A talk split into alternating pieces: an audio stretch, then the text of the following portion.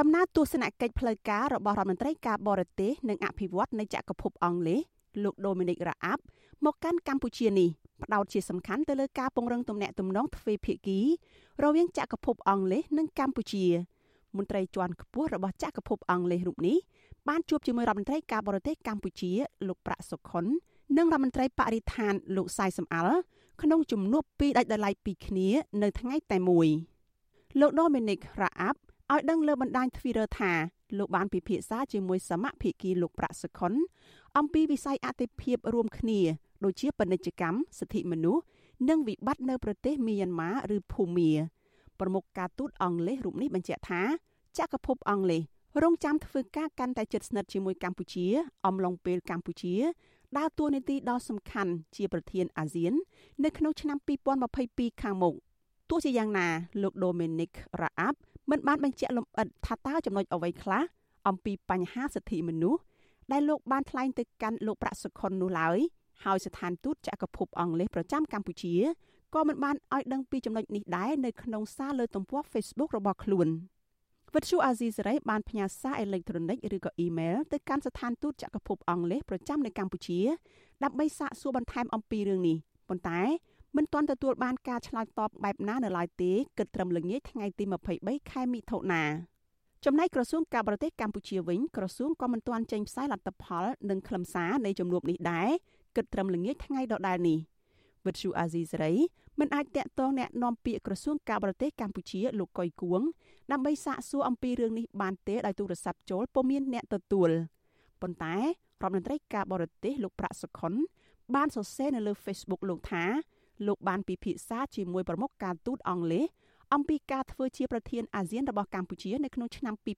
2022និងការរិះរកមធ្យោបាយដើម្បីជំរុញបន្ថែមទៀតនៅទំនាក់ទំនងរវាងអាស៊ាន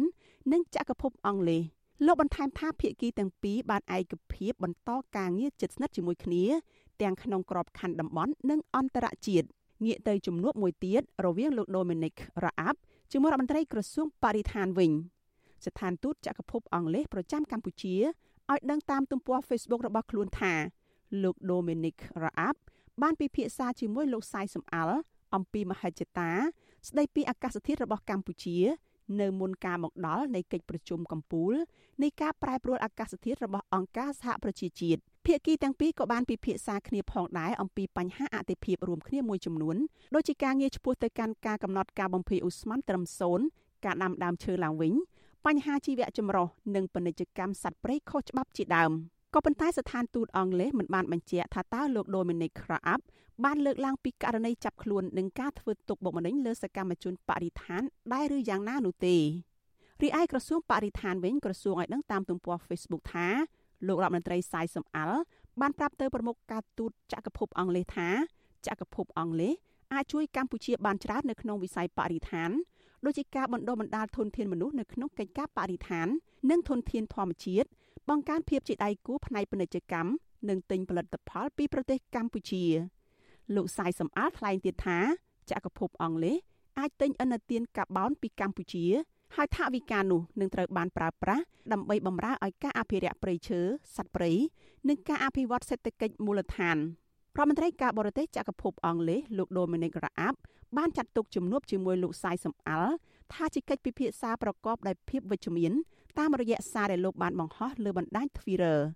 នៅក្នុងសារនោះលោកមិនបាននិយាយអំពីករណីចាប់ខ្លួនសកម្មជនបរិស្ថានវ័យក្មេង3នាក់នៅពេលថ្មីៗនេះទេ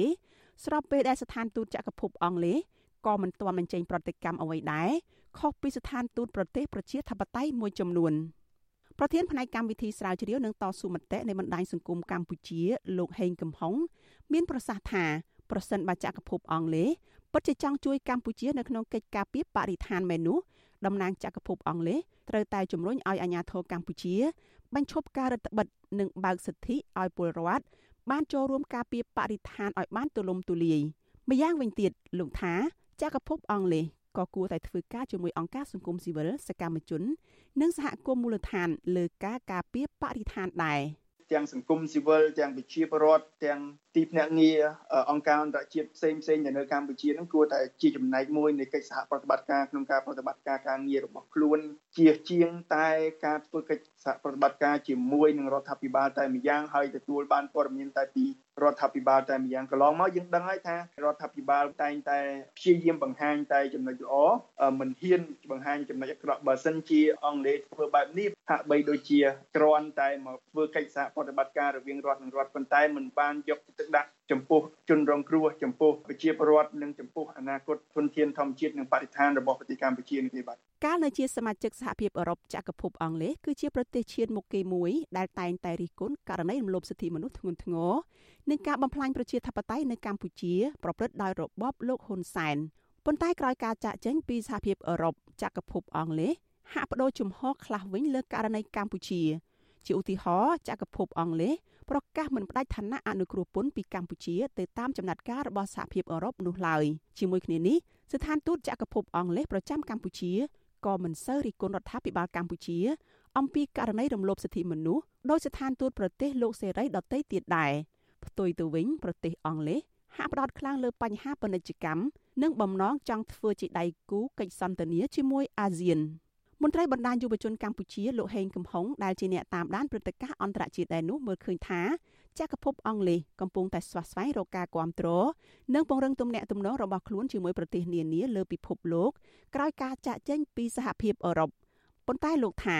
បើចក្រភពអង់គ្លេសគិតតែពីប្រយោជន៍ផ្នែកទំនាក់ទំនងអន្តរជាតិជាធំហើយផាត់ចោលបញ្ហាសិទ្ធិមនុស្ស នោះប្រទេសមហាអំណាចប្រជាធិបតេយ្យមួយនេះនឹងដើរតាមគន្លងប្រទេសចិននៅថ្ងៃណាមួយចាក់ជាមិនខាននាងខ្ញុំសុជីវីវិទ្យុអាស៊ីសេរីរាយការណ៍ប្រធានាធិបតី Washington